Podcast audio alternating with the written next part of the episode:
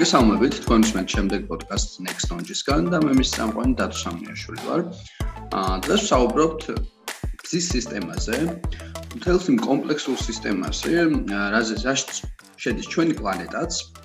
აა და აქედან გამომდინარე ვისაუბრებთ იმაზე თუ როგორ ფუნქციონირებს ზოგადად ჩვენი მზის სისტემა, რა არის ზოგადად ვარსკვლავური სისტემები, რა როლი აქვს აქ პლანეტებს, ну განსაკუთრებით ბუნებრივია ვისაუბრეთ იმაზე თუ რა როლი აქვს დედამიწას ამხრივ და რასთავია როგორ გაჩნდა ჩვენი პლანეტა, როგორ განვითარდა და რა მომავალი შეიძლება გქონდეს იმ ძის სისტემაში, რომელშიც დღეს ახლა ჩვენ ყოფებით.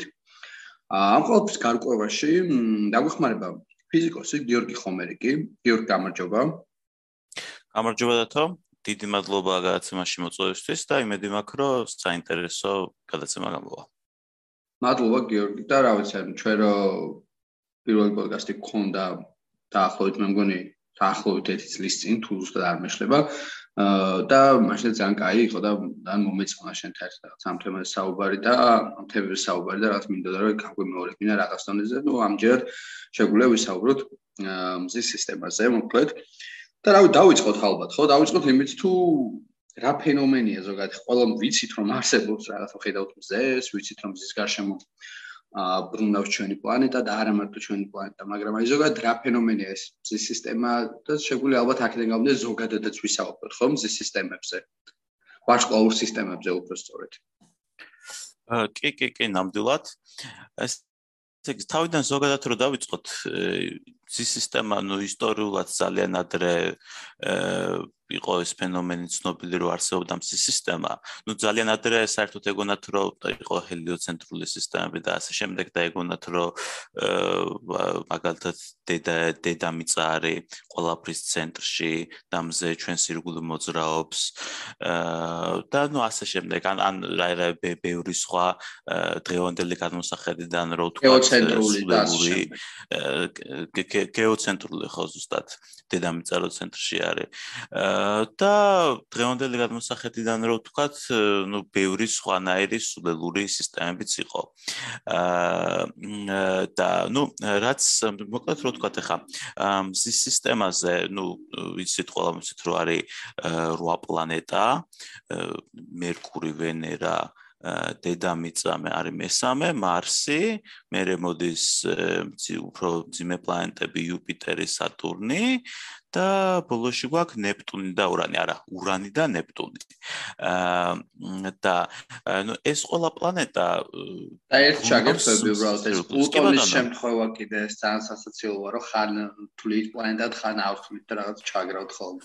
ხო, ნუ ეგ მეც არ მომწონს იყოს პლანეტად ახლა, ნუ ნუ პლანეტას იმიტომ არ თulian პლანეტას რომ რაღაც პლანეტა რაღაც კვალიფიკაციებს უნდა აკმაყოფილებდეს მასის, პერიოდის და ასე შემდეგ და ბევრი სხვა რაღაცა პარამეტრების რომ პლანეტა და არ ვქან ყველაფერი ხო პირობითია ახლა, ნებისმიერი პატარა მეტეორი ან მეტეორიტი რომელიც შეიძლება მზის სისტემაში მოხვდეს, ყველაფერს პლანეტას ხო არ დაარქმევს და ეს ეს დარქმევის პრინციპი რომ იცვლება, ნუ ის ხან ხან არის საწყალი პლანეტა მზის სისტემაში, ხან საერთოდ არაფერი არ არის და აა მაგრამ ეხლა მზის სისტემას გააჩნია აა ბევრი საიდუმ ესე რომ ვთქვათ საიდუმლოებები გარეშე ხალხისთვის, ანუ ვინც ამ მიმართულებით არ მუშაობს და თვითონ ანუ ვინც მაგალითად ახლოს არის ფიზიკასთან შეიძლება რაღაცები არ იცოდეს ამ სისტემის ფორმირებაზე მაგალითად ეხლა რომ დავიწყოთ საუბარი მაინც და მაინც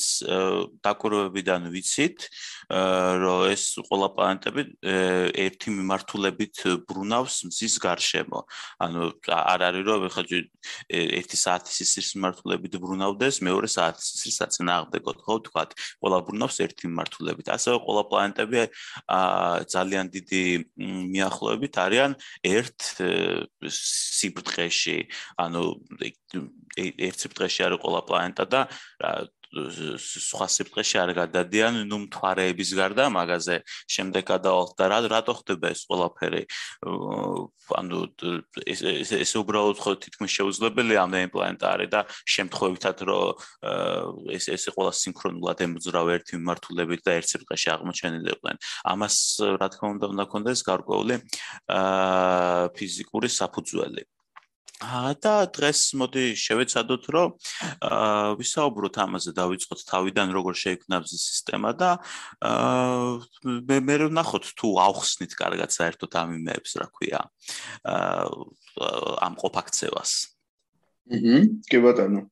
ხო, ძალიან საინტერესოა, იმიტომ რომ რაღაც თავიდან იყო მართლა გეოცენტრული ხედვა, ვერ წარმოედგინე ყველაფერი გონათვალა დედამიწის გარშემო ბრუნავდა, მე ჰელიოცენტრული იყო და მთელი სამყარო ეგონათ, რომ ხმზის გარშემო ბრუნავდა, მაგრამ გავიგეთ, რომ რაღაც კუნძულები ვითარეს, ხო ეს მზის სისტემები რეალურად. და არსებობს რაღაცა უამრავი ასეთი სისტემა, ხო და რა ვიცი, მართლა როგორ ფუნქციონირებს საინტერესოა. კი, კი, უამრავი ვარსკვლავი არსებობს, ბევრ ვარსკვლავს აქვს თავის თავიანთი პლანეტები, მე ეს ვარსკვლავები არიან galaktikაში, ასევე არსებობს უამრავი galaktika და მოკლედ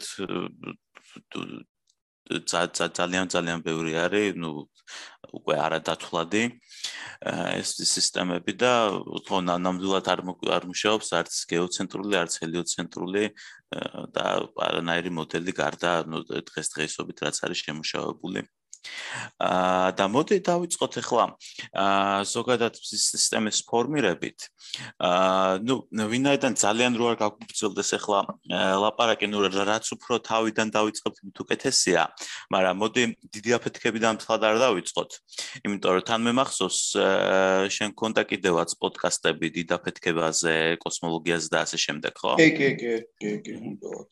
მოდი დავიწყოთ ესეთი ეტაპიდან, რასაც რასაც ქვია მოლეკულური ღრუბელი, რომელიც ნუ ირმის ნახტომის, ანუ ჩვენ galaktikაში არის. და ნუ მოკლედ პატარა შესაძლებლობით რო გავაკეთოთ, ნუ თავიდან იყო დიდი აფეთქება, ეს გაფართოვდა სამყარო, ეს მატერია მიმოიფანტა. აა და წარმოიშვა galaktikები, მაგასაც ვახტებით და ამ galaktikებში, ნუ ზოგან უკვე ვარსკვლავები არის ფორმირებული, ზოგან არ არის ფორმირებული, ზოგან რაღაცა მატერია არის ერთად შეჯგუფებული. და ეხლა რატო ჯგუფდება ეს მატერია ერთად? ანუ მაგალითად, ყველაზე სუბუქი მატერია რაც არის, არის წყალბადი. და ეს მატერიას ხო აქვს თავისი მასა. და ნუ თელ სამყაროში მოქმედებს მიზიდულობის კანონი. და ჯგუფად არიან ხოლმე ეს ისინი რა ქვია მოლეკულური ღრუბლები ანუ უფრო ფართო მასშტაბებში შეიძლება ამას აა ვარსკვლავიერი ნისლეულის ერქვა და ნუ მაგრამ უფრო პატარა მასშტაბებზე ვიყოთ ჯერ და თქვა გვაქვს ეს მოლეკულური ღრუბელი ძირითადად რომელშიც არის წყალბადი და ნუ შეიძლება იყოს უფრო მძიმე ელემენტებიც.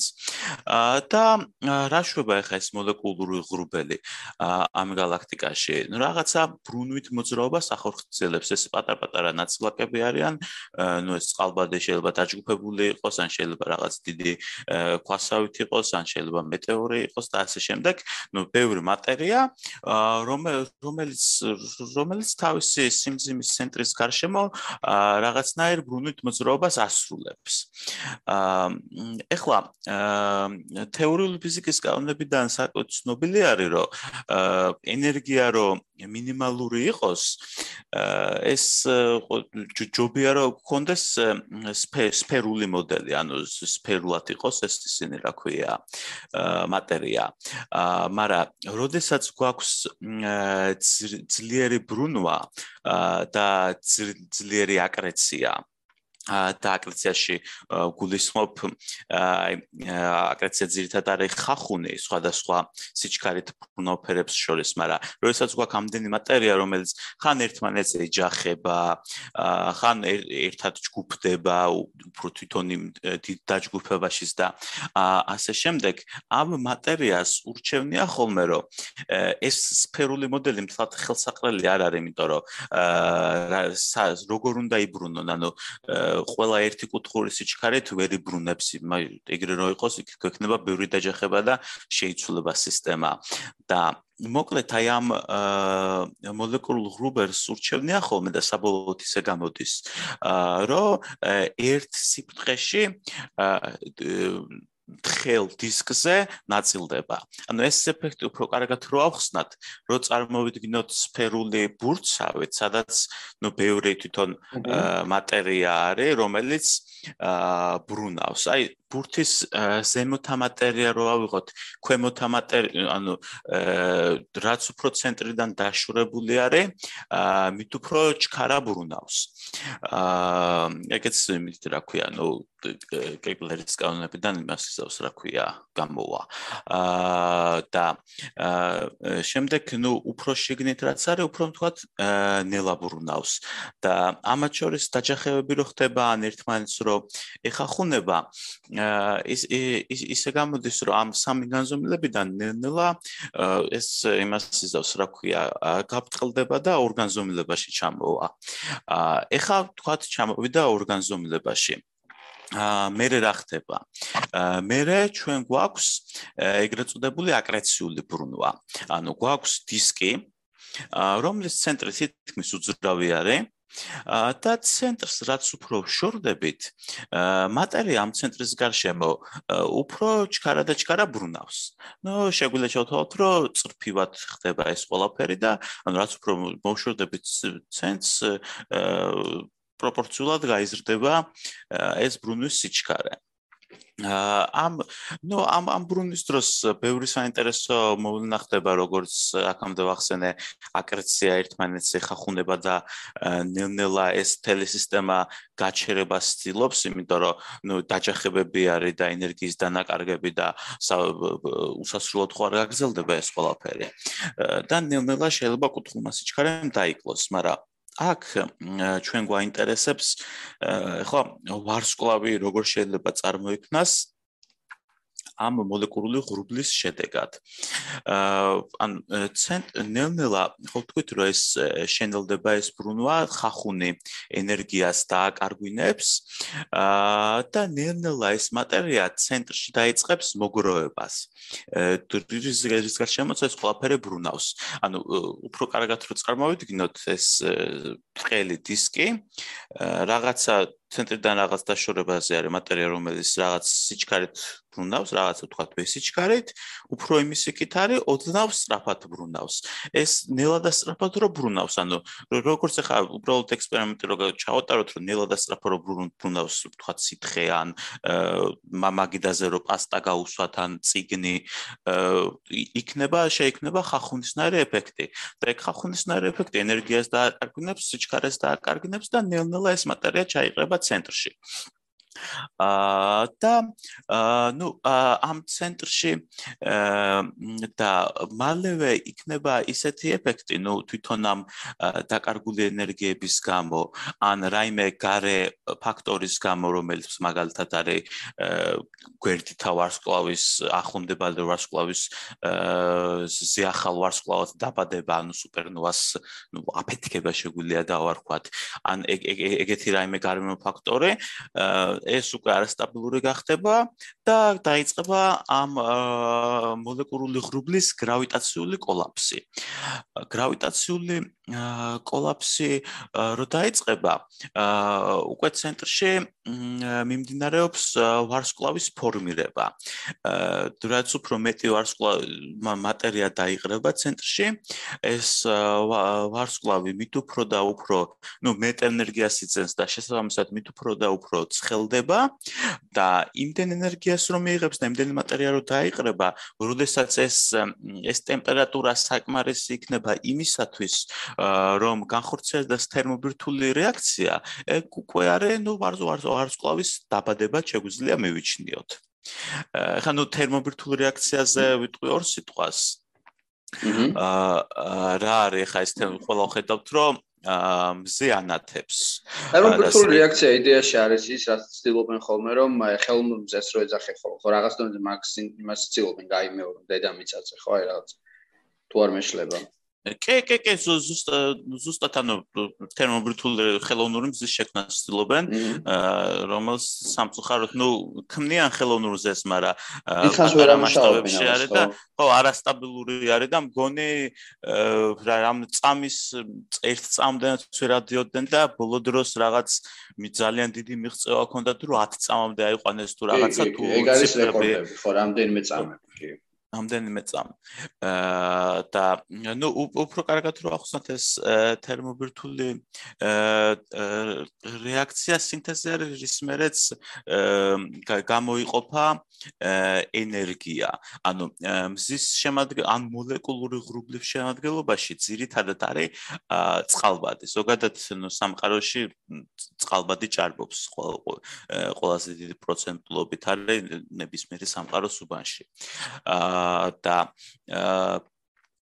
ესე იგი ეს ზეში ეს წყალბადი გროვდება მიმდინარეობს თერმობირთული რეაქცია და ვიღებთ აქედან ძალიან დიდ იმას რა ქვია სითბოს ფოტონებს გამოსხებას რომელიც ნუ ჩვენ ხედავთ და ჩვენ გვათბობს ეხლა აქ არის ბევრი ეს თერმობირთული რეაქციაში არის ბევრი საინტერესო ეფექტი მაგრამ ძირითადი ფაქტორი ის არის რომ რაღაც საკმარისი ტემპერატურა უნდა მიიღწიოს იმისთვის რომ წავიდეს დაიწყოს ეს რეაქცია და всё ეგ არის ვარსკვლავის ფორმირება აა და იმას რა ქვია მზის წარმოშობა. აა ეხლა უკვე აა მოდი გადავიდეთ თან თერმობირთული რეაქციის გაგრძელებასავითაც იქნება და უფრო დეტალურად ახსნასავით. აა რომ ან ძირითადად ხო თქვით რომ ამ მოლეკულურ ღრუბელში ძირითადად არის ხოლმე წყალბადი. აა საიდან ანუ ჩვენ ახლა ვიცით რომ ძირითადად წყალბადი არ არის დედამიწაზე გავართ ახლა ისიც არის რა ქვია ნახშირბადიც არის ჟანგბადიც არის და უფრო ძიმე მატერიებიც არის ანუ რკინა ურანი და ასე შემდეგ. საიდან მოვიდა ეს ყველაფერი? თუ საწყის მოლეკულურ ღრუბელში თითქმის მარტო წყალბადი იყო. აა ეხლა აქ რამდენიმე თერმობირთულ რეაქციებზე დავდივართ ესავ ძირითადად აა ძიმე მაგრამ კიდე მან საინტერესო არის ესეთ რაღაცა რომ აი გამონათქვამი რო არსებობს რომ ტურის ვარსკვლავის მტრისგან შევდგებით რა ანუ ვარსკვლავის მტვერი ვარ თუ რაღაც დონეზე კალსეი განსაკუთრებით გამონათქვამი ანუ იგივე შეიძლება ითქვას რომ რაღაც ვარსკვლავში რა პროცესებიც წარმოება იქიდან ჩნდება ეს მატერია რის განჩეფლები კი კი კი კი კი. ზუსტად მაგაზე მივდივართ ნუ ერთ-ერთი წყალბადზე ვერ ვიტყვით ეგრე იმიტომ რომ ნუ რაღაც დიდი აფეთქების შემდეგ რაღაც ისტორიი არის, მაგრამ ნუ სხვა ვარსკვლავიდან წამოსული ნამდვილად არ არის, ანუ რაღაც ნაწილი შეიძლება იყოს. აა და ნუ იყო თავიდან წყალბადი და ვიცით, რომ მზეში მიმდინარეობს თერმობირთული აა სინთეზი. აა მაგრამ მზეში ანუ მარტო მიმდინარეობს იმის რა ქვია, ძირითადად არის 70% დაახლოებით წყალბადი ალბადი დანარჩენი 28 თუ 29 ჰელიუმი და დანარჩენი ძალიან ძალიან მცირე არის მეტალები. ანუ ძირითადად ფიზიკაში და ვარსკვლავების ევოლუციაში წყალბადი, ჰელიუმი და უფრო მძიმეებს მეტალებს ძახიან ხოლმე, ანუ ჟანგბადსაც და ასე შემდეგ. მაგრამ მოდი ნუ აქ რო არა ურიოთ აა ჟანგბადი და ეგრე დაუძახოთ, ანუ წყალბადის სინთეზიდან მიიღება ჰელიუმი, ჰელიუმიდან ჟანგბადი აა და ასე შემდეგ. მზეს არა აქვს იმის საკმარისი ტემპერატურა, რომ თუნდაც ორის ჟანგბადის ან კარბონის ან მსგავსი მსგავსი სინთეზი აწარმოოს. და ერთადერთი საიდანაც შეიძლება მოსულიყო ეს ძიმე მატერიები როგორიც არის რკინა, ურანი და ასე შემდეგ ეს არის სხვა ვარსკვლავებისგან. ანუ თქვა დაუშვათ თუ ახლო მახლო ჩვენ galaktikაში. აა იყო უფრო მასიური ვარსკვლავი, რომელსაც უფრო დიდი ტემპერატურა აქვს. და მარტო წყალბადის და ჰელიუმის სინთეზი კი არა, შეუძლია უფრო ძლიერი მეტალების სინთეზი უფრო ძლიერი, უფრო ძიმე მატერიის სინთეზი. აა მაშინ აა როდესაც ეს სხვა ვარსკვლავი დაიბადება სიახლად, ანუ როდესაც გაფართოვდება და აფეთქდება სავით და ასე ახალ ვარსკვლავზე აა მოდი ბოლოსკენ გადავიდეთ, როდესაც მზის სისტემის იმას იცი რა, ზიახალდეს გავს რაღაცები, ხო, ხო. შეიძლება რთული იყოს, იცი, მაგ ყველაფერს გაგება, არ ვიცი, შეგვიძლია ალბათ უფრო მაინც მოვექცეთ თვითონ აი სისტემის სიკვდილზე რასაც ხო საბოლოოდ ხონდა დავამთავროთ როდის შეიძლება კი და მან შეგვიძლია ეგ და მაკედან დაახლოებით იგივე პრინციპი არის და შეგვიძლია ეგ თქვა და ნუ ჯერჯერობით ის ვიკმაროთ რომ ეს ციმე მეტალები უფრო მასიურ ვარსკვლავებში წარმოიქმნება თერმობირთული რეაქციის შედეგად. და ის ვარსკვლავი რო ზიახალად აფეთქდება და მატერიას გამოიტყორცნის, აი ეს მატერია მოხდა იმაში, რა ქვია, ჩვენ მოლეკულურ ღრუბელში, რის მერეც იმ მოლეკულურ ღრუბელთან მზე ჩამოყალიბდა, ეს უფრო გარეთ ეს სხვა მატერია დარჩა და ნუ შემდეგ ამ პლანეტებზე დაილექა. ნუ გადავიდეთ ახლა აა პლანეტების ფორმირებას. ანუ აი გან საინტერესო ხო, ანუ შოლ როდესაც ერთი როდესაც შეიძლება ვარსკვლავი და მეორე როდესაც ფორმდებიან პლანეტები და როგორც ხედავთ პრაქტიკის დონეზე უფრო აი კლდოვანი პლანეტები ზის ჩვენ სისტემაში ესე რომ ახლოს არიან უფრო და შორს არის უკვე გაზის პლანეტები ამ შემთხვევაში გიგანტი რაც არის იუპიტერი და სატურნი. ხო და აი ეს პროცესიც რო აქვს ძალიან საინტერესო რატომ გადანაწილდა ჩვენთან ეს და ზოგადად თუ არის ესე რა როგორ არის ზოგადად ვარსკვლავების სისტემაში კი კი კი კი. აა მივიდეთ ნუ დაიბადა მზე ამ მოლეკულური ღრუბლისგან გარშემო რა თქმა უნდა და დარჩა რაღაც და რაღაც ამ გრუბლის ნაწილი რომელსაც ნუ პროტოპლანეტურ დისკს ეძახიან ან გრუბელს არა აქვს მნიშვნელობა. და ამ დარჩენილი მატერიიდან ნელ-ნელა იწყება პლანეტების ფორმირება. და ნუ როგორ იწყება ახლა ეს პლანეტების ფორმირება რომ რაღაცა მატერიები ერთმანეთს დაეჯახა შეეწება შეჯგუფდა უკვე იმდენად დიდი ასტეროიდი გახდა, ანუ იმდენად დიდი რაღაცა მასა გახდა, რომელსაც აქ უკვე საკმარისი ველი იმისთვის, რომ ამ დისკში რა და მატერიაც არის, ეს მატერია ნელ-ნელა მიიზიდოს და ნუ შემოიერთოს, გაფართოვდეს ასე რომ ვთქვათ. და აი ეგ უკვე არის პლანეტების ფორმირება. ეხლა ეს ეს მატერია ნელა აქ ნაწილი სადღაც გაჩნდა, ნაწილი სხვაგან გაჩნდა და ეგრე ჩამოყალიბდა ეს პლანეტები, ანუ ეს პროტოპლანეტულ დისკში რა მატერიაც იყო მიბნეული, ასე რომ ვთქვათ, ნელ-ნელა ერთ ადგილას შეჯგროვდა, იმე ვინც რაც უფრო გაიზარდა, მით უფრო მეტი მოისიდა და აი აქედან აიხსნება ზუსტად ის, რომ რატო არის ყველაფერი ერთ სიბრტყეში, რატო ყოველბრუნავს ყველაფერი ერთი მიმართულებით, ანუ ეს მოლეკულური დისკი ხო თავიდან რაღაცა მიმართულებით ბრუნავდა და იქ რომ მოხდა ნეონლა პლანეტების ფორმირება, ეს მატერია რო შეჯგუფდა, ნუ ის რა რა მიმართულებითაც მიდიოდა ბრუნვა, იმ მიმართულებით წავიდა. აა ეხლა აქ საინტერესოა რაც შენ დახსენე დათო რატო არის უფრო ხო კლდოვანი პლანეტები ქვიანი პლანეტები ასე რო ვთქვათ მზესთან ახლოს და რატო არის გაზიანი პლანეტები უფრო შორს ну საქმე იმაშია რომ აა სანამ დღევანდელ დღემდე მოვიდოდით აა და ეს მზე რო უკვე ჩამოყალიბებული იყო და იყო ახალგაზრდა. აა საკმაოდ საკმაოდ ცხელი იყო. აა ნუ ბევრად ცხელი არა, მაგრამ საკმაოდ ცხელი იყო და სანამ ეს პლანეტები ჩამოყალიბდებოდნენ აა და სანამ ნუ თავისი ატმოსფერო ექნებოდა და ასე შემდეგ აა ესე იგი ის ის მატერია რომელიც დედამიწაზე დარჩებოდა და არ იქნებოდა ქვის ან იქნებოდა წყალბადი ან იქნებოდა რა რა რაიმე სხვა ან რა რაღაცნაირი პლაზმა. ეს ნუ ამ ამ სიცხეს ვერ გაუძლებდა და ნუ წნევის გამო ან აურთობის გამო ნუ იმას იზავდა რა ქვია. ვერ გაჩერდებოდა ამ დედამიწასთან და ნუ ეხა ბუნებრივია რაც უფრო ახლოსავართ მზერთ მზესთან მიწისგან, მით უფრო დიდი იქნება ის რა ქვია პლანეტაზე მოსული მზის გამოსხება, მზის ინტენსივობა, ანუ მანძილის კვადრატის პროპორციულად. და შესაბამისად, ну, ეგ არის ძირითადი მიზეზი პირველი სამი პლანეტა რატო არის მაგათ პირველი სამი ოთხი პლანეტა რატო არის უფრო კლდოვანი და მეორე უკვე რა რა რა რატო არის გაზის და ასე შემდეგ. ეგ არის მაგის ძირითადი მიზეზი.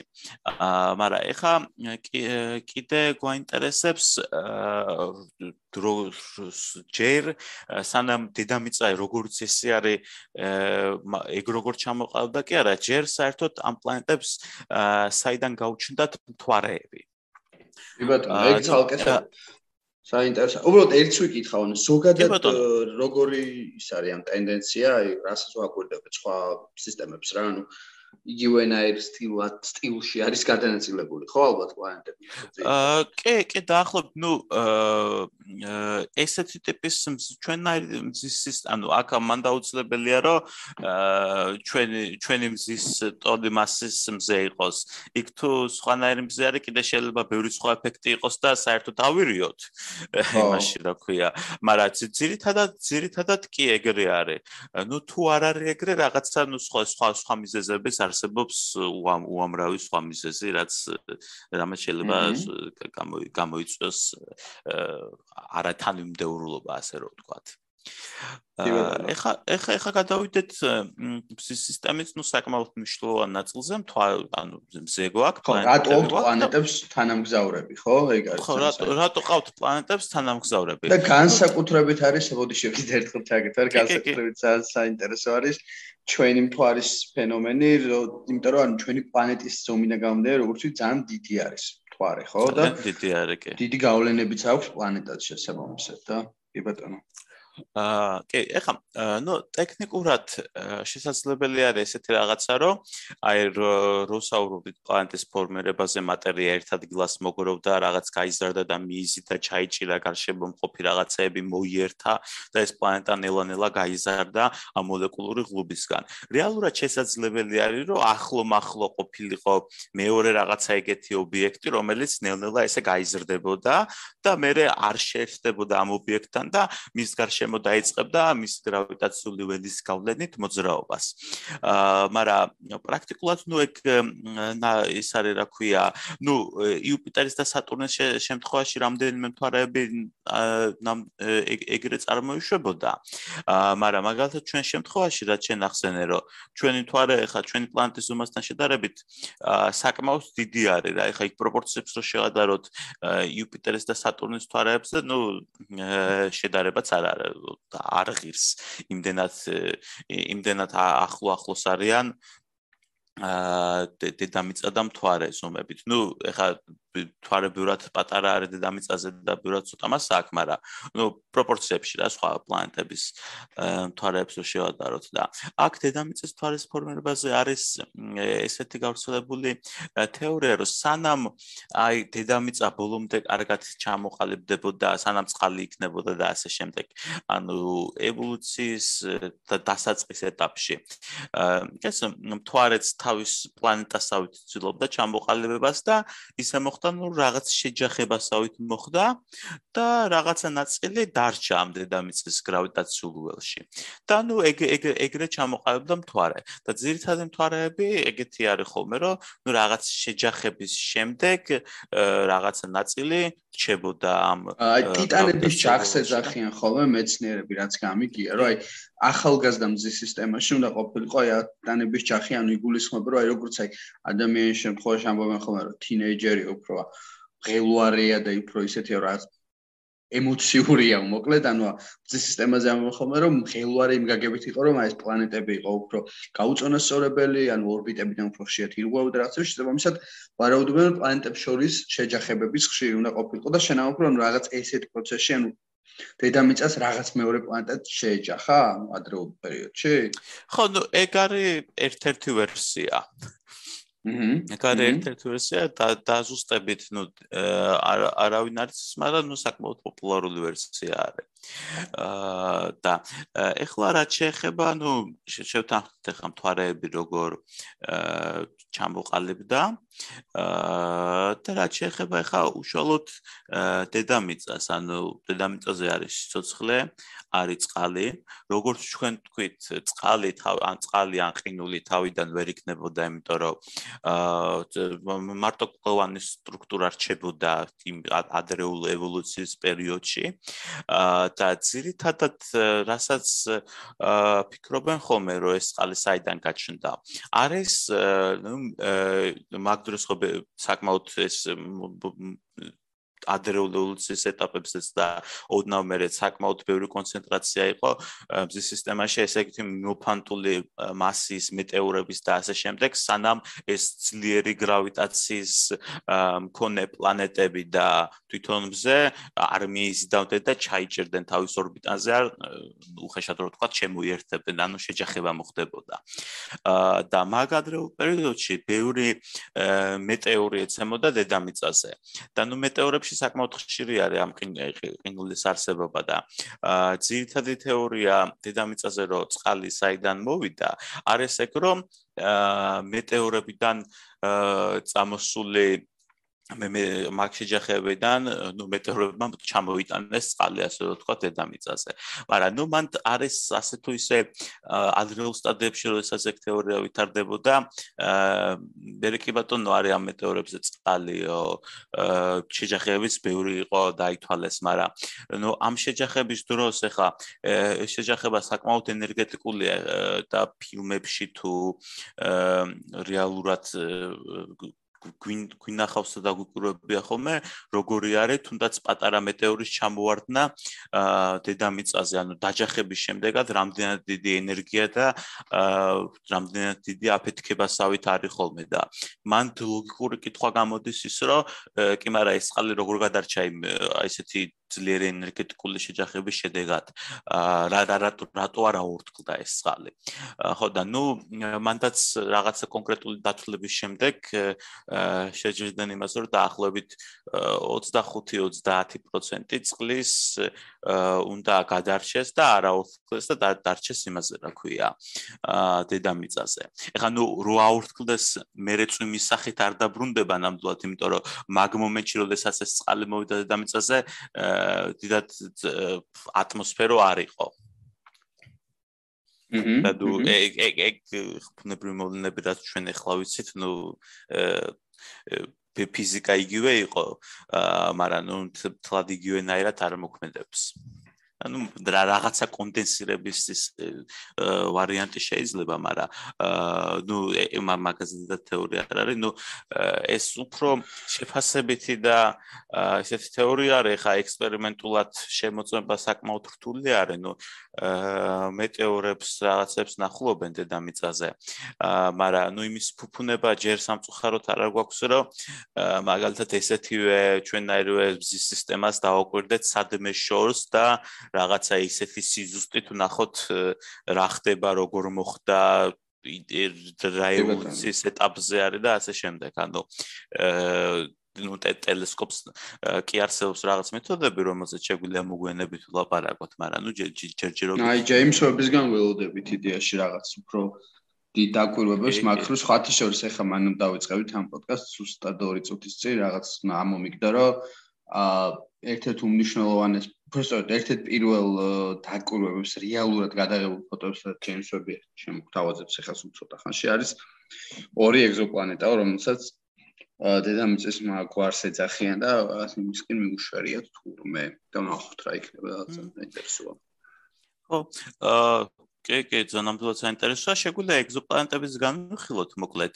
აი, ჯერ მოდი მას ავნათ, რა ქვია. ხო, ეგზოპლანეტები ჯობია მზის სისტემაში. ეს ისეთ თემაა, რომ ეგზოპლანეტები კიდე ცალკე სხვაჭოს, მაგრამ ეს პოდკასტი გვაქვს კიდევაც, რაც ანუ ცალკე ეს არის რა, ანუ ეს ეგზოპლანეტები რამდენად მრავალფეროვანია და რამდენად საინტერესო და რამდენად უცნაურია და რამდენად რთულია ხოლმე მათი დაფიქსირება და თელი ამბები მოკლედ. კი კი ნამდვილად. და მოკლედ ახლა შეგვიძლია გადავიდეთ ერთ-ერთ ბოლო ეტაპზე. ნუ ჩამოყალიბდა დედამიწა, დედამიწა წყალი არის, სიცოცხლე გახდა გაჩნდა. აა ნუ ეხლა წყლის მერე როგორ გაჩნდა სიცოცხლე და აა რა მოხდა მაგაში მსლად კომპეტენტური არა ვარ, იმიტომ რომ ცოტათი ფიზიკას ცდებასავით, ნუ თან ასტრობიოლოგია არის და ასე შემდეგ და აა უფრო კარგი იქნება თუ გადავახტებით ამ იმას, რა ქვია, სიცოცხლის წარმოშობას უშუალოდ. ნუ უფრო ბიოლოგიისკენაც აგვიყვანს ეგ და ასე შემდეგ. აა კი ნამდვილად. და ნუ მოდი ჩავთვალოთ რომ ეხა გაჩნდა სიცოცხლე დედამიწაზეც ნუ ვართ ეხა ჩვენც აქ ცხოვრობთ ნამდვილად არის სიცოცხლე. და რა რამდენი ხანი გვიწერია ეხა კიდე აა სისტემაში ყოფნა ან რამე ისეთი ხო არ მოხდება აა რომლის მერე შეიძლება რომ აქ სიცოცხლე მაგარი არსებობს თქვა დედამიწაზე აა და ნუ სამწუხაროდ მოხდება ეგეთი რამე. იმიტომ რომ მაგრამ მოხდება ძალიან შორს ანუ დღეს ეხლა დაახლოებით ზე არის სადღაც 5 მილიარდ წლამდე ნუ ეს ეს ჩვენი სისტემა. და და ესე იგი ნებისმიერი ვარსკვლავი ნებისმიერ ვარსკვლავს აქვს თავისი ევოლუცია, ანუ განისის ევოლუცია, რომ მიმდინარეობს თერმობირთული რეაქციები და რო ასხივებს ეს ვარსკვლავი და რო გვათბობს ეს მზე. ნუ იქ ხო რაღაცა ხდება, ენერგიას ხო კარგავს, ახლა ეს უბრალოდ ხო ვერ გაგვათბობს. და როდესაც ამ იმას რა ქვია, მზეს ამოელევა თავისი საწვავი. და ნუ ეს თერმობირთული ეს წყალბადი აღარ იქნება და ეს თერმობირთული რეაქცია ნელ-ნელა მიილევა და აა მიილევა აა ყველაფერი იმას იზავს რა ქვია ცოტათი გაცივდება და მზე დაიწყებს გრავიტაციულ კოლაფს. ეხლა რა არის ეს გრავიტაციულ კოლაფსი, რატო იწყება? ეხლა ჩვენ ხო ვიცით ხო უყურებთ მზეს. და რეალურად არის მატერია, რომელიც სფერულად არის რაღაცნაირად განაწილებული. ნუ გრავიტაციიდან არსებობს გრავიტაციული ძალა, რომელიც ამ მატერიას ცენტრისკენ ეკაჩება.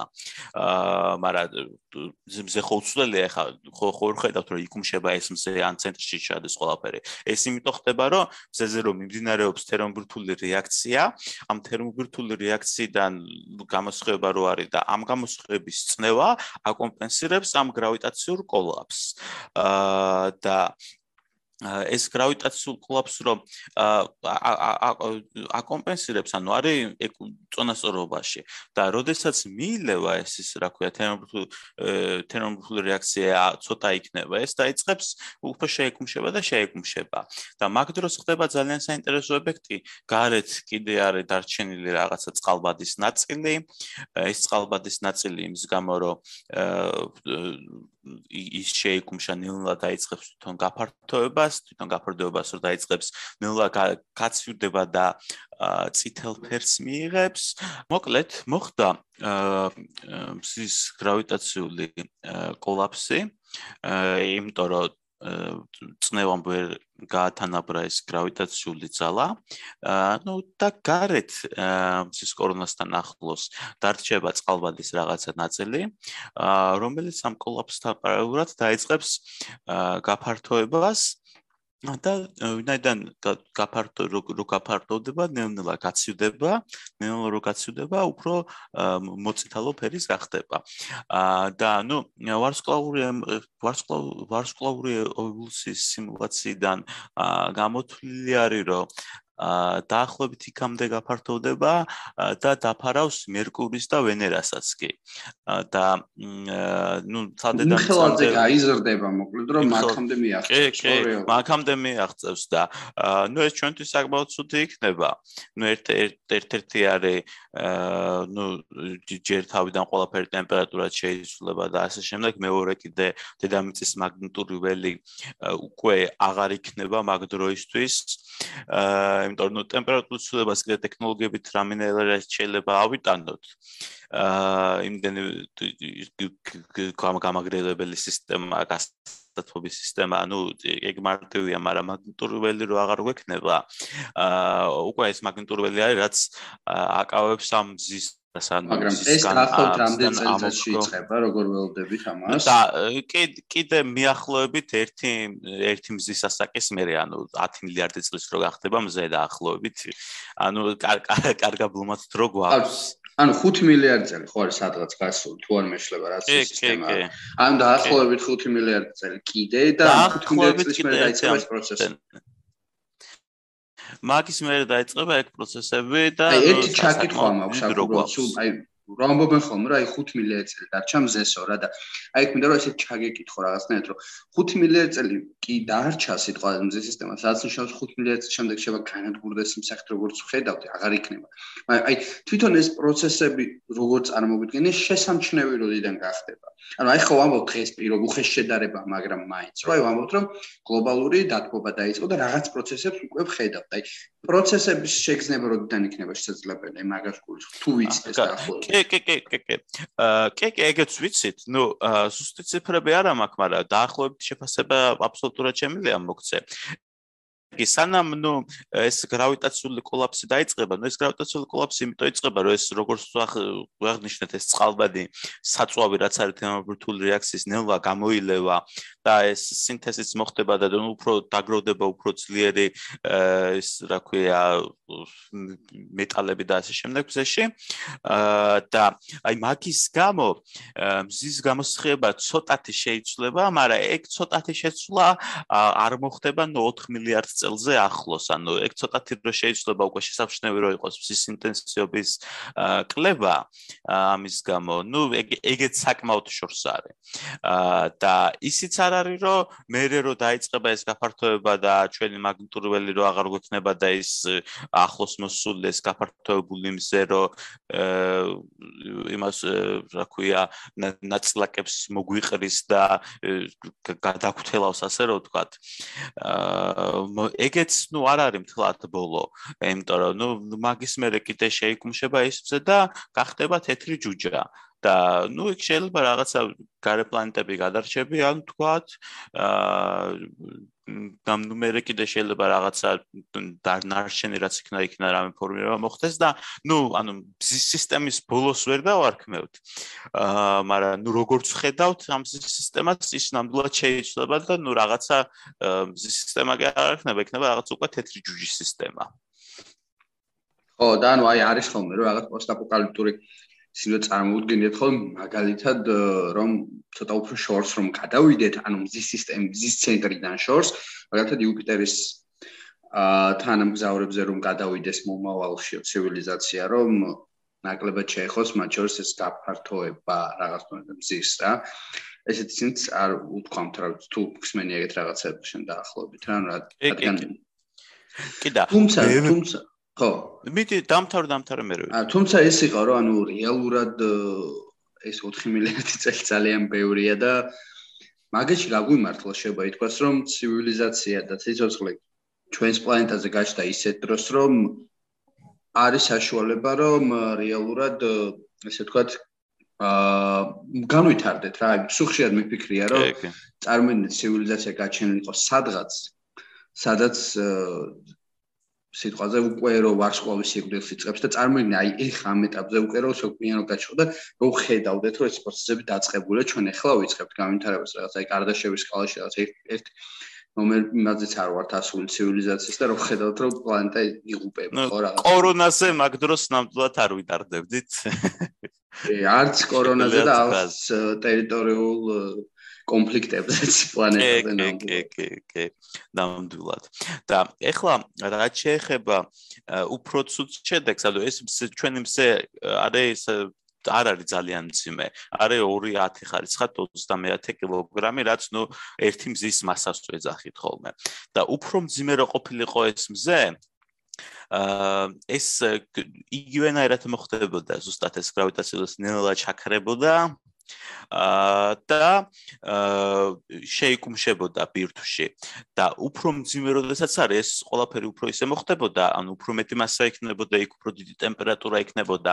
და უკვე წყალბადის სინთეზი აა წყალბადი ხო ამოწურული იყო და იმდენად დიდი ტემპერატურა შეიქმნებოდა რომ შესაძლებელი გახდებოდა ჟანგბადის სინთეზის და ბევრად მძიმე მეტალების სინთეზის ნუ თვითონ აა რკინამდე. აა და ან 8 მზის მასა რო იყოს მაგალითად უკვე შესაძლებელი არის რომ თერმობირთული რეაქციებიდან რკინა რკინა წარმოიშვას და ეს თერმობირთული რეაქცია რა არის რომ ეს ძალიან რო შეიკუმშება აქ სინთეზი უფრო დიდი სინთეზი დაიწყება ყველაფრის შეიკუმშება და უცებ დაიწყება ამ ყველაფრის სინთეზი და ამის გამო ძალიან დიდი წნევა შეიქმნება ამ გამოცხების გამო და ეს ძალიან სწრაფად გაფართოვდება რომელსაც შეგვიძლია ნუ აფათქება დაუძახოთ და გადათელავს ამ ყველაფერს. ეს ნუ გარშემო რა პლანეტებიც იქნებოდნენ უკვე დაიწყებული იქნებოდა ის ეგრევე აურთქლებოდა ყველაფერი.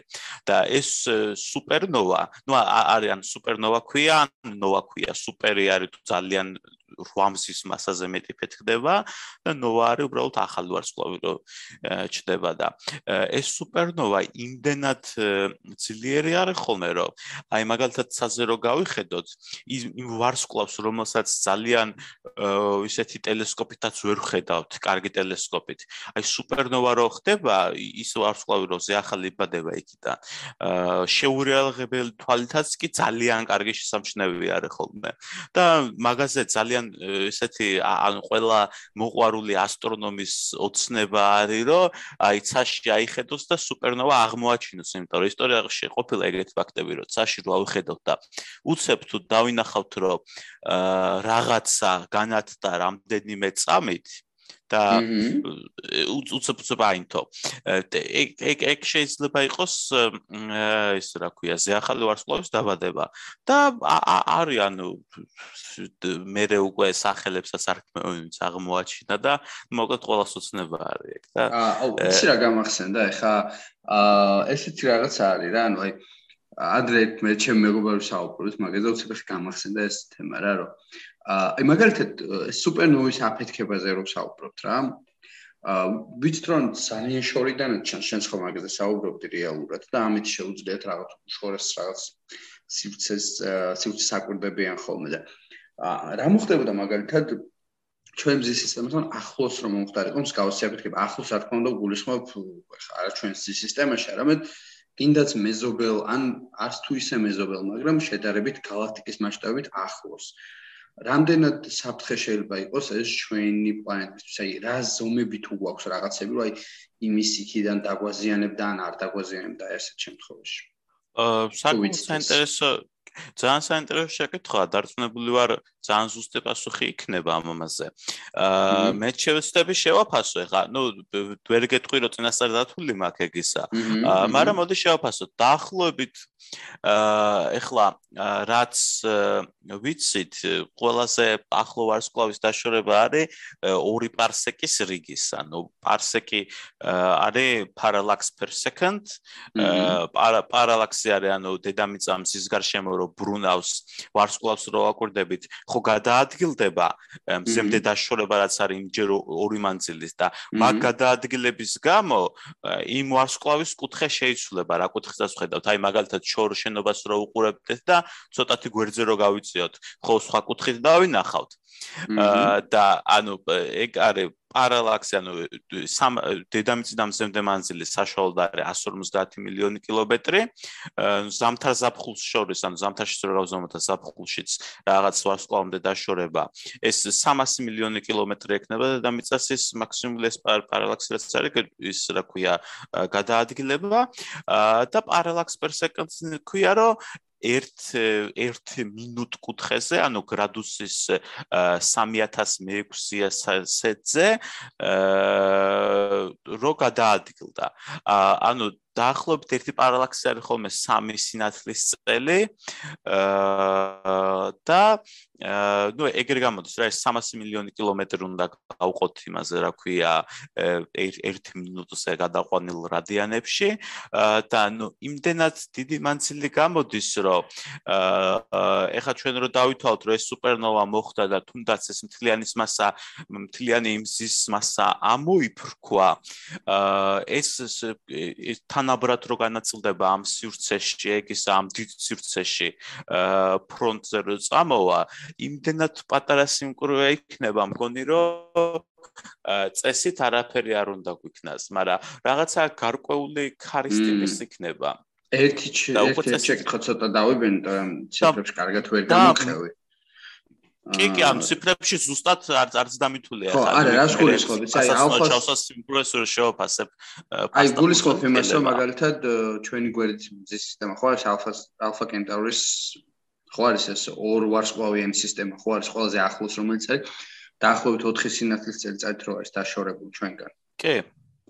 ანუ აი მანდრო აფეთქდეს შეიძლება ამან არ დააზიანოს ჩვენი ჩვენ ჩვენს პლანეტის სიცოცხლე დაახლოებით. აა გონი არ დააზიანებს, გონია რომ არ დააზიანებს. აა ძალიან კარგად კი დავინახავთ, მაგრამ წესითთან ნუ დედამიწის მაგნიტური ველი, ნუ მაგაში ვიყენებთ ხოლმე რომ აა ზის მაღალი ენერგეტიკული ნაწილაკები რო არის და galaktikuri მაღალი ენერგეტიკული ნაწილაკები, რომლებიც ძირითადად ამ სუპერნოვისგან მოდიან ხოლმე რომ ჩაიჭიროს, ნუ ნაწილი მაინც შემოდის, მაგრამ არფეს არ გუშვება ხოლმე ზოგი ზოგს იჭერს.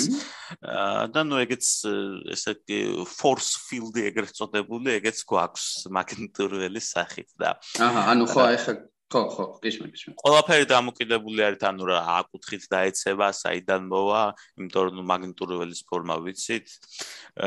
რა სიჩქარით მოვა და ნუ ასე შემდეგ.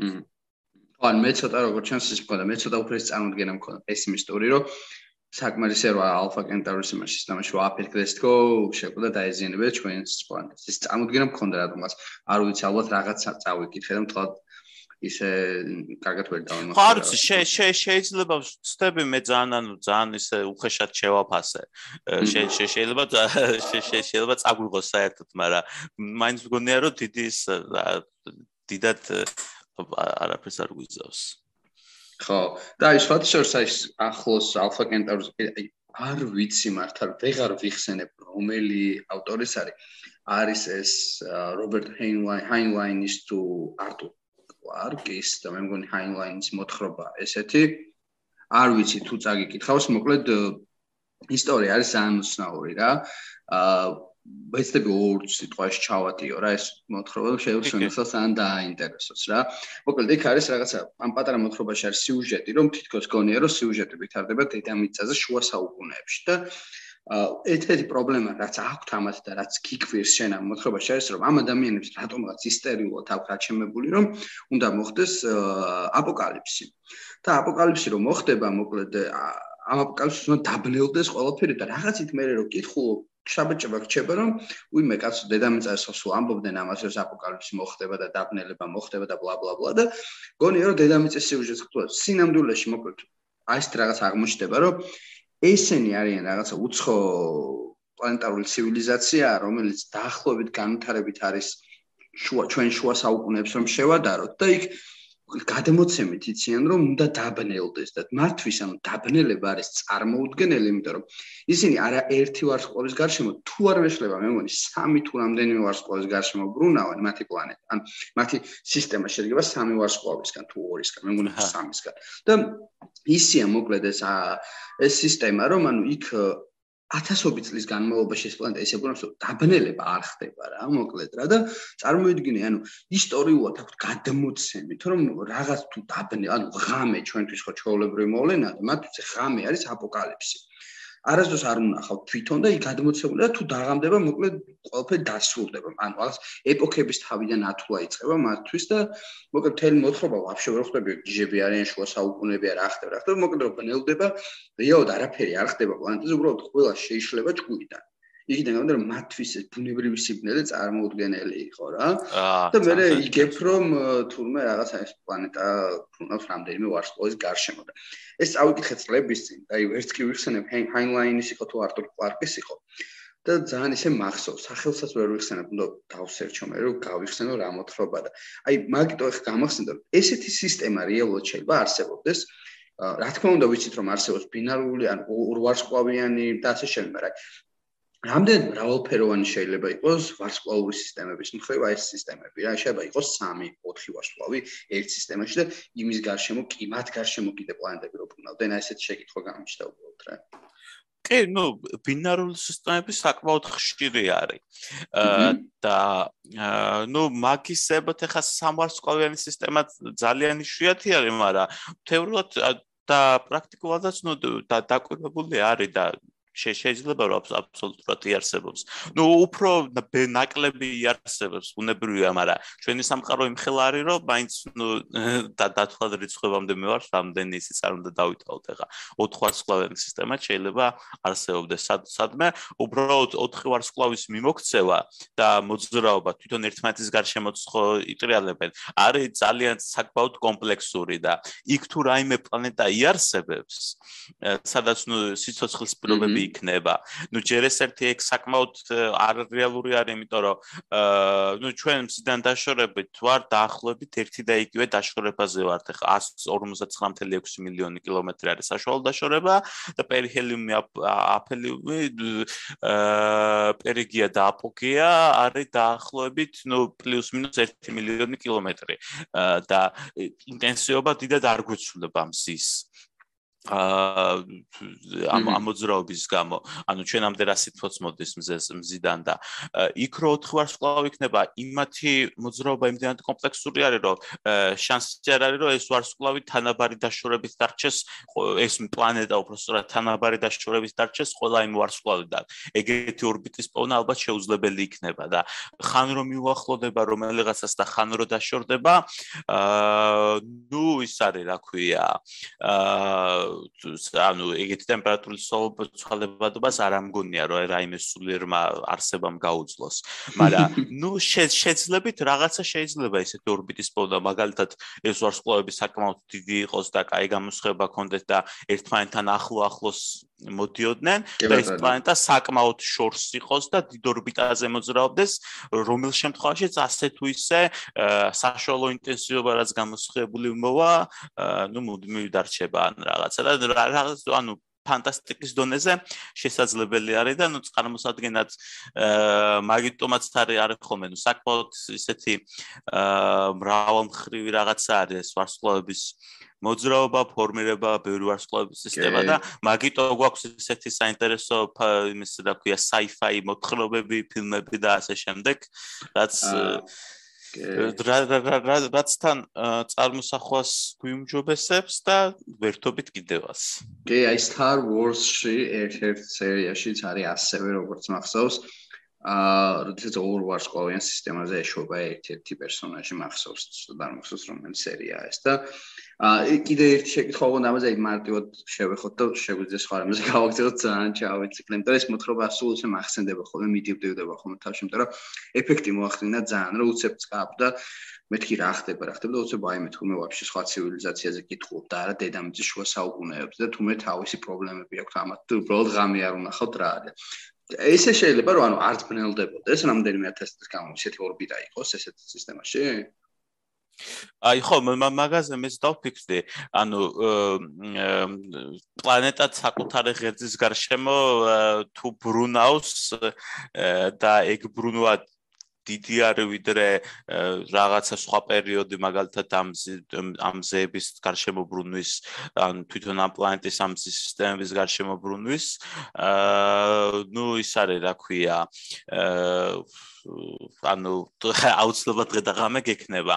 აა მაგრამ არა რაღაცის მოფიქრება და მაგის გამართება შეიძლება, იმიტომ რომ ნახე ზედამთვარე რო აიღო რა, მთვარე დედა ზედამთვარე კი არა, დედამიწა და მთვარე. მთვარე ჩვენ გარშემო მოძრაობს და თან საკუთარი ღერძის გარშემო ისე ბრუნავს, რომ ეს კუთხური სიჩქარეები ერთმანეთს ემთხვევა და იმ უკანა მხარეს ვერასდროს ვერ ვერ ხედავთ. ზუსტად. და რაღაც ეგეთ დონეზე შეიძლება თეორიულად თუ თან ჩავთვლით რომ სხვადასხვა მხარეს არიან ვარსკვლავები ასევე გადანაწილებული რაღაც დონეზე, ალბათ შეიძლება, ხო, თეორიულად.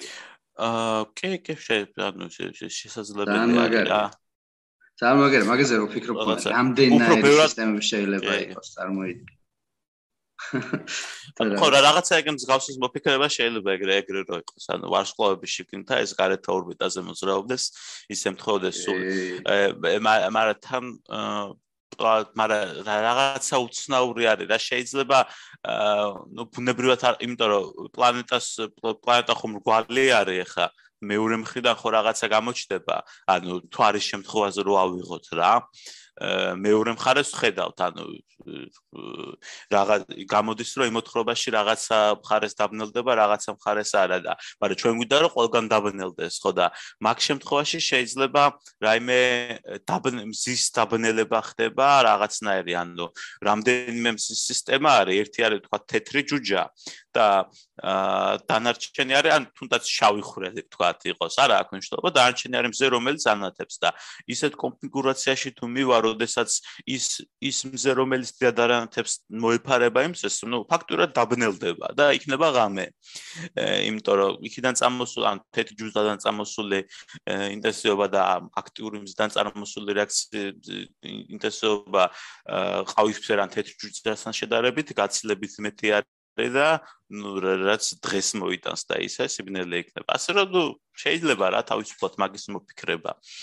აა სამეცნიერო ფანტასტიკის მოთხრობისთვის ამ ფილმისთვის. კი, კი, კი, კი, თან ესე იყო ძალიან კაი და ესეც მოთხრობა იყო ნამდვილად.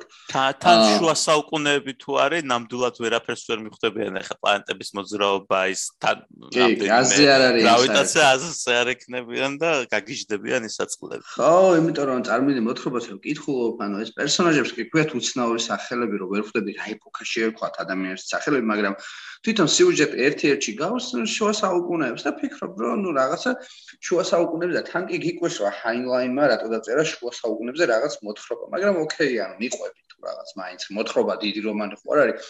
წაიკითხავ 10 გვერდს ფიქრობ და გაიგებ და თელეს დაბნელებ უცეფრობ ნელდება და მე ერთ-ერთიო დაიყვირებს რომ ესეთი რაღაც არის. მე ან ხვდები თუ აი მე თუ მე ვაფშე სხვა პლანეტაზე ხარ თუ რაღაც წარმოგალი ეფექტი იყო ჩემთვისაც ეგ ძალიან კაი იყო ხო და ალბათ მაგას ფიქრობდა ესეც რომ რამდენად შეიძლება იყოს რომ რამზი სისტემები და მაგიდან მოუვიდა ეს მოთხრობა თავში კი ბატონო. არ ვიცი, ალბათ შეგვიძლია ნელ-ნელა რაღაც დასასრულისკენ წავიდეთ, ხო? მე მგონი თუ რაღაცები არის ისეთი, რაც გამოგჩა, შეგვიძლია იმათ მიუბრუნდეთ, არ ვიცი, ანუ. არა, მგონი საინტერესო ვისაუბრეთ ყველაფერზე, მე ვისი ამოვნე. კი, აი კიდე არის ეს რაღაცები ძალიან გეიმებში წავედით, მაგრამ ბოლოსკენ შეგვიძლია მივიცეთ ალბათ ჩვენ თავს ამის უფლება. აა ერთი აი არის ასტეროიდების სარტყელს რო ამბობენ ხოლმე. აა სადაც უშუალოდ ასტეროიდების ესე ვთქვათ სამეფოა, ხო, არ ვიცი როგორ დავარქვათ. და კიდე არის ხოლმე რაღაც დამატებით ეს პლანეტაზე ვარაუდობენ ხოლმე რომელიც უნდა იყოს და არ არის თუ გაგიგია ეს და იყო რაღაც თეორიები რომ ეს მინიატურული შავხრილიც კი არისო რა რაღაც ნიუს ეკულევები იდებოდა მაგას დრას ფიქრობ შენ მაგას თუ გაგიგია ამ იმაზე და ზოგადად აი ასტეროიდების სარტყელზე ესე ვთქვათ ერთი ორი სიტყვა და იუპიტერი კიდე იუპიტერის ამომიტივდეს და ეხა თავში მიცეთ დასასრულს გადაწავით მე რაღაცები გამახსენ და აი ეს იუპიტერი რომელიც ჩვენ დამცავია ამ ასტეროიდებისგან ხო რაღაც თუნდაც თავის მასივ მასიურობისგან გამომდინარე რომ არ უშვებს იმდენ ასტეროიდებს რომ პრომეტი დაეცემოდა დედამიწას რომ არა იუპიტერის ფაქტორი ხო კი კი კი ნამდვილად. ხო, ნუ ახლა ეს ასტეროიდების სარტყელი აი ზუსტად იუპიტერის ძლიერი გრავიტაციის გამო არის. აა სხვათა შორის იუპიტერი ისეთი პლანეტა არის, რომ ანუ იუპიტერის და მზის სისტემის მასათა ცენტრი რო ავიღოთ, მზის რადიუსის გარეთ გარეთ არის ეგ მასათა ცენტრი. ანუ ეგ უკვე ითვლება ასტროფიზიკაში ესეთ პლანეტად, რომ უკვე უნდა განიხილო იმ ვარსკვლავის პერიოდულ მოძრაობაში. იმიტომ რომ ეს თავის საერთ მასათა ცენტრის გარშემო ბრუნავს. აა და ნუ რა შეეხება ამ იუპიტერის როლს, აი მაგის გამო ძალიან მასიური რო არის ეს ასტეროიდები რაც ამ სისტემაში ფორმირების შემდეგ მორჩა ან შეიძლება სხვა სხვა სისტემიდან შემოვიდა ნუ ეგეთი ძალიან ნაკლები იქნება რაც ძირითადად მორჩა. არის უბრალოდ აი ამ ა ა ამ მიდამოებში მოყრილი. იმიტომ რომ ეს ეს ან ან მზესთან უნდა იყოს ძალიან ახლოს, ანუ მაგალითად ორმაგი სისტემა რო ავიღოთ ნებისმიერი, ხო? ამ ორმაგ სისტემას გააჩნია თავისი ლაგრანჟის წერტილები. ეს ლაგრანჟის წერტილები არის ის წერტილები, სადაც ნებისმიერი თანამგზავრი ან ცილერ მასის სხეული სტაბილურ ორბიტაზე იქნება, ან ცოტათი რო გადაიხრება, არც ან ერთ სხეულზე დავარდება, ან და არც მეორე სხეულზე დავარდება. და ნუ ეს ლაგრაჟის წერტილები ბევრი არის, მაგრამ ნუ მზესთან ახლოს რაც იქნება, ნუ ის მზე აორთქლებს და დაადნობს და თავის თავს მე დაეცემა ბოლოს იმაზე, ასევე ანალოგიურად იუპიტერზეც და სხვა სხვები რაც არის აი მაგის გამო ამ ორის ამ სისტემის მაგნიტობის გამო ნუ იქვე არიან ეს ასტეროიდები. აა მაგრამ ნუ ძირითადად სამეცნიერო ფანტასტიკაში რაც გვინახავს ახლა ჩვენ ამ ასტეროიდებზე რომ კოსმოსური ხომალდით მიდიან და იქ გონკაობა მიდის და არიქა ამ ასტეროიდს არ უნდა დავაჯახო ესე რული უნდა ავიღო ავაცილო მე მეორე შევასწრე და მოდიან ყველა სხვა დღეს სხვა სიჩქარით ყველა მხრიდან სამწუხაროდ ხალხ ეგრე არ არის. რო გამოვითვალოთ ამ ასტეროიდებს შორის საშუალო დაშორება ძალიან ძალიან ბევრი გამოდის რა ათი ბევრი კილომეტრების რიგის გამოდის, რომ ანუ ძალიან დიდი არის ხა ამ კოსმოსურ ხომალზე თან შედარებით ძალიან დიდი იქნება და ნებისმიერი მძღოლი ასე რომ თქვა დააცილებს არ არ დაეჯახება ამას. ო Star Wars-ში არის მანდაც ვარტაშორის ეს ეგ უყვართ ასტეროიდების არტყელში შედიან ხოლმე თელ ამბებში არიან ამ ასტეროიდებს დაწურებიან ვითომ. Ну შეიძლება ახლა სხვა სისტემებში არიან იქ და იქ ახლოს არის მე კონკრეტულად ჩვენს სისტემაზე ვთქვი რომ აქ არ არიან ხო ეგეც არის მართალია ხო ახლა Star Wars-ი მარტო დედამიწის სიმაში არ არის ნამდვილად ხო მართალია თეორია. კი ბატონო. ხო არ ვიცი მოკლედ ერთ ფაქტია რომ ძალიან მრავალფეროვანია და მეორე რომ ახლა შეიძლება ვიღაცას დაარჩეს ეს მომენტი, რა ის სიცოცხლე არ უსაუბრია, თუ რამდენი შეიძლება იყოს სიცოცხლე ჩვენთვის სისტემაში, რა თქმა უნდა, დედამიწის მიღმა. და ნუ ამაზე ხო არის რაღაც ვარაუდები, ნუ ოდესღაც საერთოდ მარსეც ეგონათ, ხო, ჯერ კიდე მე 20 საუკუნის დასაწყისში, რომ ელოდნენ და აი რაღაცა ბრედბერსაც აქვს ხო რაღაც მოთხრობები მაქიდან მარსის ქრონიკები, რომ აი ელოდნენ, რომ მარსზე რაღაც იქნება. მარსი არა, მარსზე არა მოშთა სიცოცხლე, მაგრამ ხო არის ვარაუდები რომ მათ შორის იუპიტერის თანამგზავრებზე შეიძლება იყოს სიცოცხლე, ну, რა თქმა უნდა, საუბარი არის არა ცივილიზაციაზე, არამედ ან გინდაც მიკრობული, ან გინდაც წყალქვეშა, რაღაცა ყინულის ქვეშ რაღაც უცნაური არსებები რო იყვნენ და მოდი რაღაც აი ამით დავასრულოთ დღევანდელი ჩვენი საუბარი, რომ რამდენად უშვებ შენ მაგას, რომ სადღაც მზის სისტემაში მაინც ბოლო-ბოლო მივაგნოთ სიცოცხლეს, არ აქვს მნიშვნელობა როგორი სახის იქნება, იყოს ნებისმიერ სახის მისაღებია. და რას ფიქრობ ამაზე, რომ მარტონი ვარ ჩვენს მზის სისტემაში თუ არ ვარ მარტონი? ეს ეს საინტერესო თემაა ნამდვილად. ნუ ჯერ ჩვენაერ ცივილიზაციას შევეხები, ნუ ჩვენს სისტემაში ეგ აბსოლუტურად გამორიცხული არის. ხა ადამიანისნაირი არსება რო იყოს, ნუ არც ერთ პლანეტაზე არ არის ესეთი ასე რომ თქვა საცხოვრებელი გარემო პირობები, ნუ ტერას ტემპერატურა, თუნდაც ატმოსფერო, ჟანგბადი და ასე შემდეგ წყალი, რომ ჩვენ ჩვენმა ინდივიდმა იქ რაღაც წინასწარ დედამიწიდან თავისი სადგურის და ხომალდის წასვლის გარეშე გადარჩეს და რამდენიმე წამის განმავლობაში არ მოკვდეს. მაგრამ ეხლა რა შეეხება თვითონ მიკრობულ სიცოცხლეს ან რაიმე სახის პატარა მცენარეს ან რაღაცას, ну მაგაში შეიძლება ფალ ექსპერტი არა ვარ, მაგრამ ну მაგალითად მარსზე წყალი არის გაყინული ფორმით აა იუპიტერის ფარებზეც არის მგონი, მაგრამ ნუ ეგ ზუსტად არიციან რაღაცა დაკვირვებებით და ასე შემდეგ. აა და ნუ სასავსები შესაძლებელია რომ რაღაცა მცირე ზომის და მინიმალისტური სიცოცხლის ნიშანწყალი იყოს, მაგრამ შესაძლებელი არის, მაგრამ ძალიან ნაკლებ ალბათური.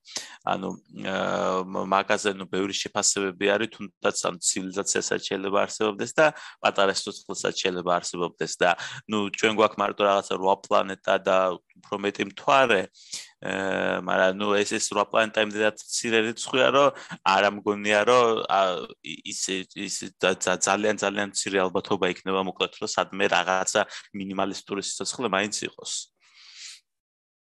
მაგრამ ნუ შეიძლება ხო. ხო ნუ დაშვების დონეზე შეგვიძლია ალბათ და კიდე კიდე ერთი შეკითხვა გამიშადავს ნამდვილად რამდენად ფიქრობ არის თუ არა საშუალება იმის რომ ჩვენი მზის სისტემა ავითვისოთ სიცოცხლისთვის ანუ საუბარი არის კიდაც მარსზე ან იუპიტერის თანამგზავრებზე ანუ რამ მარსის გარდა მოკლედ აქვს პოტენციალი რამეს რომ გადავსახლდეთ იქ. აი მარსას თუ აქვს ეგეც საეჭოა ცოტა მაგრამ ნუ რაღაც დონეზე ხომ თუ აქვსო და გინდა თვალზე არ ვიცი კი, ესე იგი, ანუ აკაც შეგვიძლია თან მოვიშველიოთ ესეთი რა ქვია sci-fi სერიალები ან ფილმები რომლის სხვათა შორის მას რო რო წერენ ხოლმე თვითონ ამ სერიალს ან ფილმს საკმაოდ ზუსტად აკეთებენ ხოლმე ძირითად შემთხვევაში ყველაფერს. ყავთ ხოლმე ესეთი ვიღაც მეცნიერი დამხმარეები. expense. როდესაც ჩავარდი expense, უჩევ ყველას, კი, მაგაზე. expense, აი ეგ რომ მარსი და ის რო არის ბელთი, ხო? ეგ ნანახი. ასტეროიდებიც არიან. კი, კი, კი, კი. ასტე ბელთერები რო არიან. კი, კი, კი, კი. ნანახი მაგ, კი, კი, კაი სერიალია. ნამდვილად აი თუნდაც მაგ სერიალის მაგალითიდან რო ავიღოთ, სანდას ნუ დაკურებული ვარ ეგ დეტალები თვითონ სამეცნიერო კუთხით რაც იქნება. საკმაოდ ზუსტად აქვთ დათვლილი და გაკეთებული და ანუ რო ანუ მაგალითად ეხა ჩვენთვის ნამდვილად არ იქნება მომგებიანი რომ მარსზე გადავიდეთ საცხოვრებლად იმიტომ რომ ნუ გაგზავნა თვითონ ერთი ხომალდის და იქ დაშვება საკმაოდ ზვირიჯდება, მაგრამ ნუ უკვე უკვე ნელა იწება ეგის რომ აგზავნიან ახლა რამდენიმე ადამიანს თუ გააგზავნეს უკვე არ ვიცი აი რაღაც მისია რო იყო. აა და ნუ შესაძლებელი იქ იქ ცხოვრება შესაძლებელი არის ანუ თვითონ ისიც შესაძლებელი არის რომ თავისი თავი შეინარჩუნო ანუ დედამიწიდან ჩამოტანილ რესურსებზე აღარ იყო დამოკიდებული. აა ნუ ენერგიის წყარო გააქვს ენერგიის წყარო არის მზე. ანუ ნუ იქ შეიძლება რაღაცა რესურსებიც იყოს მოპოვებადი და ენერგიის წყარო თუ გააქვს უკვე თეორიულად ყველაფერი შესაძლებელი არის. აა მაგრამ რამდენად მომგებიანი იქნება ეგ სხვა ის არის მაგრამ ამ სერიალს საკმაოდ კარგად არის აღწერილი ის დედამიწაზე ძალიან გადაივსება დედამიწა და უკვე იქითკენ გადასვლა უწევთ და მე ერთმანეთში ომი აქვთ. ეკი და ძალიან სპეციფიურად არის რომ იქ მარსზე არიან ტექნოლოგიური ტიპები უფრო რა განვითარებ. ასტეროიდულ სარტყელში არიან უფრო კრიმინალები, იმიტომ რომ თავისოზე მომავლის ციხეები თვითონ ეგრე გარდაქმნის რომ ასტეროიდებზე უშვებდნენ და მე ესენი თავისუფლებდნენ იქ რჩებოდნენ. და დედამიწაზე დაარჩნენ რა თქმა უნდა და ევოლუციაც რო სხვანაირი აქვს მარსზე მაგალითად რა თქმა უნდა, უფცირე გრავიტაციის გამო უფრო მაღლები და უფრო თხელი ძვლები აქვს ასტეროიდებს კიდე უფრო და მოკლედ ძალიან მაგარი სერიალია, ეგ მაგარი. და დედამიწაზე რო დედამიწაზე რო ჩამოყავთ თითქმის ხვდებიანი გრავიტაციის გამო და უჭირთ, უჭირთ ნამდვილად. რაც რეალურია და ძალიან საინტერესოა იქ ფენომენიც, ხო? კი, კი. ეგ ეგ ასე რომ თქვა, ნუ მზის სისტემას რაც შეეხება, ნუ მე უკვე თან თუ არ დავასპოილეროთ, აღარ ვიტყვი ხა საიტკეთ მივდივართ, როგორ მივდივართ, მაგრამ ზირთად სისტემაში არის აბსოლუტურად ყველა მოვლენა და აი ამ სისტემასთან რაც ჩვენი პოდკასტი არის, ახლო ის არის და ქვია, ყველაზე ახლო მდებარე სერიალი არის, ასე რომ მეც მეც ურჩევ ამის მენდებს რომ ნახოთ. რამე ხო არ არის კიდე ისეთი მე არ მახსენდება, ხო, ჩემთვის მე მომეცი რჩევა. არ ვიცი, მახსენდება. მაგას უყურე დაახლოებით 1 წლის წინ, მაგრამ არა დიდად ისეთი არაფერი ნუ ძალიან ცნობილების გარდა დიდი არაფერი არ მახსენდება. ეს ექსპანსი ნუ ისე რა ცნობილი არ არის. შემთხვევით რა დავაწყდები რა კი, კი, ნამდვილად, ნამდვილად. არა და ძალიან მაგარი სერიალი. ნუ სამეცნიერო ფანტასტიკა ვისაც უყვარს, იმას მოეწონება ჩემი აზრით რა. ზირთად რო იღებენ ხოლმე ეგეთ სიუჟეტებს, უფრო ცოტა რაღაც არ ვიცი როგორ თქვა, არ გამოდის ხოლმე რა კარგი რა და ეს ნორმალურია რა, იხურება ნამდვილად. გარდა იმისა, რომ სიუჟეტი საინტერესოა, ვისაც ეს თემა მიყვარს იმისთვის რა. კი. მადლობა მოკლედ გიორგი შენ ძალიან დიდი, ძალიან კაი იყო შენ მოსმენა, შენთან საუბარი. და რა ვიცი, ანუ ალდარწმობრივად შენ როდესაც მოეწონა, მადლობა მათაც რომ მოგვისმინეს და აა რა ვიცი ვისურვოთ რომ ზის სისტემის შესაძლებლობები რაც გვაქვს ახლა შევირგოთ და რა ვიცი ნამდვილად ამოდი არ დავიცადოთ ხო? 4 მილიარდი წელი და არ დაველოდოთ იმას როდის განადგურდება წავიდეთ რა ავითვისოთ. სამყაროებით რომ ზის სისტემა ხო ერთი წერტილიც არ არის სამყაროსთვის რეალურად უსასრულოდ მილიარდობით ზის სისტემები ვარსკვლავის სისტემები არსებობს. მარტო ჩვენს გალაქტიკაში და დიდო გალაქტიკების თავის თავად არსებობენ მილიარდობით და ვინ და როგორი და რანაირი არსებები და რა არსებობს კიდე იქ ძალიან საინტერესოა. და ნუ მე დარწმუნებული ვარ, რომ სიცოცხლე, ან ცივილიზაციამ თუ თავი არ გაინადგურა, წარმოუდგენელია რომ დარჩეს ერთ ადგილას, ხო? რომ გადავხედოთ რაღაცა სულ რაღაც 200 წლის პროგრესს, მხელა იმასთან შედარებით რაც იყო, რომ შეიძლება ჯადოქარი და ღმერთი ეგონო 300 წლის წინ და ადამიანს შენ რო შემოხდოთ, რაც საკეთებ, წინდაც ის რაც შეხამეთ და შენ დისტანციურად რო საუბრობთ და ატომაც არა ეხა ცივილიზაცია თუ გაგზელდა საუბარია მილიონობით წლებზე, ხო, ნუ რა ვიცი, ჩემი აზრით ყველაფერი შესაძლებელი იქნება. მათ შორის როგორც შენ შეგიძლია ეხა დარეკო ერთი ხალხი მეორე ხალხი შეგეძლება ახვიდე მეორე მზის სისტემაში. რა ვიცი, იქნებ სინაც სიჩქარის ლიმიტსაც როგორმე მოვატყუოთ სამყარო და რაღაცა ჯის ხრელების მსგავსი რაღაცები ვიპოვოთ და ძალიან გავიჭერი მე რაღაც ბოლოს მოკლედ სისტემიდან გასვლაზე დავისხა საერთოდ გავდივართ შეიძლება დავთხოვეთ. კი ხო, ხო, განვიხილეთ ყველაფერი და ეხა წავიდეთ. კი ბატონო. ეხა წავედით, შე მოკლედ მეგობრებო, საინტერესო იყო სისტემა აბა დროებით შემდეგ სისტემამდე შევხვდებით. გავტიკი სხვა წერტილში. დიდი მადლობა კიდევ ერთხელ მოწვევისთვის და მოკლედ ნახვამდის. შემდეგ სისტემამდე მოკლედ. კი ბატონო, გავტიკი სხვა წერტილამდე მეგობრებო. Ergat. Ergat. Ergat.